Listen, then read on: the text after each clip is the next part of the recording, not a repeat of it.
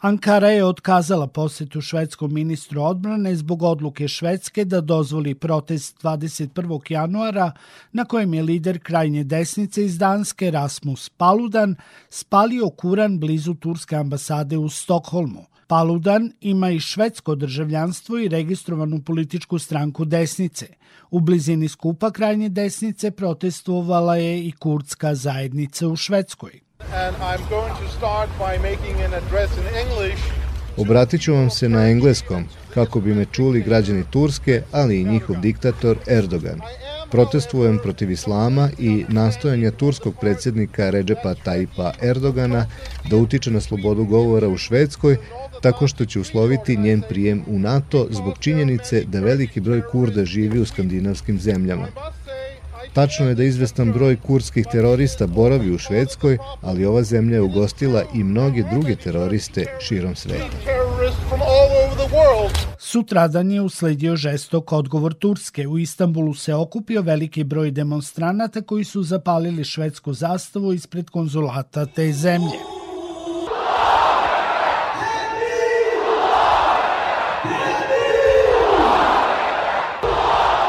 Turski predsjednik Recep Tayyip Erdogan oštro je upozorio Švedsku da ne očekuje podršku za kandidaturu za članstvo u NATO-u, pošto je paljenje Kurana ispred Turske ambasade u Stokholmu urađeno pod zaštitom snaga bezbednosti. Kalkacaksın, senin güvenlik güçlerin Švedska nije smela da dozvoli prokurdske proteste na kojima su demonstranti mahali zastavama različitih kurdskih grupa, uključujući Kurdistansku radničku partiju ili PKK, koja je decenijama vodila borbu protiv Turske. Dakle, dozvolit ćete terorističkim organizacijama da divljaju vašim ulicama, a onda očekujete našu podršku za ulazak u NATO. To se ne dešava. Bekleyemeyecekleri açıktı. Švedski premijer Ulf Kristersson je rekao da su islamofobične provokacije užasavajuće ingen annan fråga är lika viktig. Sloboda izražavanja je zagarantovana švedskim ustavom i daje ljudima široka prava da javno izraze svoje stavove, iako podsticanje na nasilje ili govor mržnje nije dozvoljeno. Za švedsko je sloboda izražavanja ključna za demokratiju, dok moramo oštro da osudimo paludanove postupke kao nepoštovanje verskih sloboda. för svensk säkerhet bivšeg dopisnika Tanjuga iz Turske, ali i Švedske Vojislava Lalića, pitali smo da li je turski predsjednik Recep Tayyip Erdogan doveo u pitanje proširenje NATO-a, pošto su za vikend u Stokholmu protestovali anti-islamski i prokurdski aktivisti, kada je ispred turske ambasade zapaljen i primjerak Kurana, poručivši da je to uvreda za sve, a posebno za muslimane. Lalića pitamo u kom pravcu idu diplomatske odnosi Turske i Švedske taj zastoj je prekinut e, na NATO samitu u junu u Madridu, kada se Erdogan očigledno našao pod pritiskom e, starih članova alijanse, pre svega Josefa Bajdena, i potpisao je e, memorandum sa Finskom i Švedskom, u kome su se dogovorili da te dve skandinavske zemlje izruče Turskoj teroriste, i da ukinu embargo na prodaje oružja koje su te dve zemlje uvele zbog turske vojnih upada u Siriju i Irak. Međutim, kao što ste rekli, taj odnos uopšte nije napredovao, naprotiv, on je zategnut pod, posle ovih najnovih demonstracija u Stokomu kojima je e, zapaljen Kuran, u kojima je čak e, ispred Turske ambasade jednog trenutka jedna grupa protestanata je e, obesila za noge lutku sa likom predsjednika Tajipa Erdogana. Dakle, ti odnosi su se jako zategli i eh, Erdogan je posle toga eh, dao tu izjevu kako može jedna zemlja da očekuje da bude član NATO-a, a da recimo pali svetu knjigu Kuran, da preduzima te akcije kakve preduzima. Tako da je taj odnos sad jako zategnut, ne toliko sa Finskom, e, koliko je sa... E, problem je očigledno u tome kako dve zemlje vide i sagledavaju fenomen demokratije. Dok recimo u Švedskoj vi možete, ako ne pravite e, fizičke napade, da kažete što god hoćete i protiv premijera i protiv ministara, to nije kažnjivo delo, to je tvoje pravo na mišljenje. U Turskoj to nije slučaj. Naprotiv, e, mnogi Turci su se našli pred sudom zato što su kritikovali predsjednika Tajipa Erdogana. To se najbolje vidjelo po primjeru jednog turskog novinara koji je, e, koji je pobegao u Švedsku i čije izručenje traži Turska.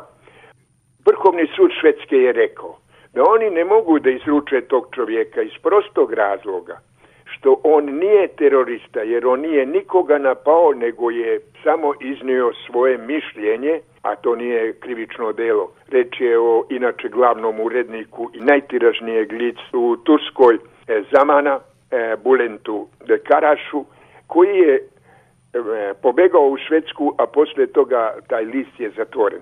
Kurdistanska radnička partija koja se smatra terorističkom grupom u Turskoj prisutna je u Švedskoj. Pred Lalića stavljamo i dilemu koliko je to ozbiljna provokacija upućena predsjedniku Turske. To u Turskoj doživljavaju kao provokaciju ta radnička partija Kurdistana. Ona je u Turskoj zabranjena, e, ona je proglašena za terorističku organizaciju, ali je problem u tome što ti ljudi koji su se našli na spisku da budu izručeni, mnogi od njih nisu izvršili ni jedno krivično delo, ali su imali razumevanja za borbu kurskog naroda za veća prava. Vi imate recimo slučaj u, tu, u Turskoj predsjednika prokurske narodne demokratske partije. Ta partija je inače ušla u parlament, ima treća partija po snazi u zemlji. On se je našao e, na udaru i u zatvoru je godinama samo zato što je e, branio e, one koji su se borili za veća prava kurskog naroda. Njega niko nije optužio da je podmetnuo bombu. I na zapadu imaju problem sa Turskom, ne samo kad je reč o NATO-u, nego je Evropska unija. I oni traže da Turska definitivno uskladi svoje zakone i da se i da precizira tačno šta je terorizam, a šta nije terorizam. Recimo u slučaju tog predsjednika e, te prokurske partije koje kažem u parlamentu, e, on se zove Selahatin e, Demirtaš, više puta su Evropska unija tražila da se on oslobodi, da je to neprihvatljivo da se jedan čovek zbog iznetnog mišljenja na javnom partijskom skupu nađe u zatvoru. Lalića podsjećamo da je Rasmus Paludan deklarisani antiislamista i desničar sa dvojnim državljanstvom Švedske i Danske, te ga pitamo koliko je ovim gestom paljenja Kurana zapravo doveo Stockholm u nezavidnu poziciju. Švedi imaju svoje e, objašnjenje koje možda nije lako razumeti. E, taj čovjek je tražio dozvolu da održi protestni skup. Taj čovjek e, se obavezao da neće izvršiti ni jedno krivično delo, da neće nikoga ugroziti.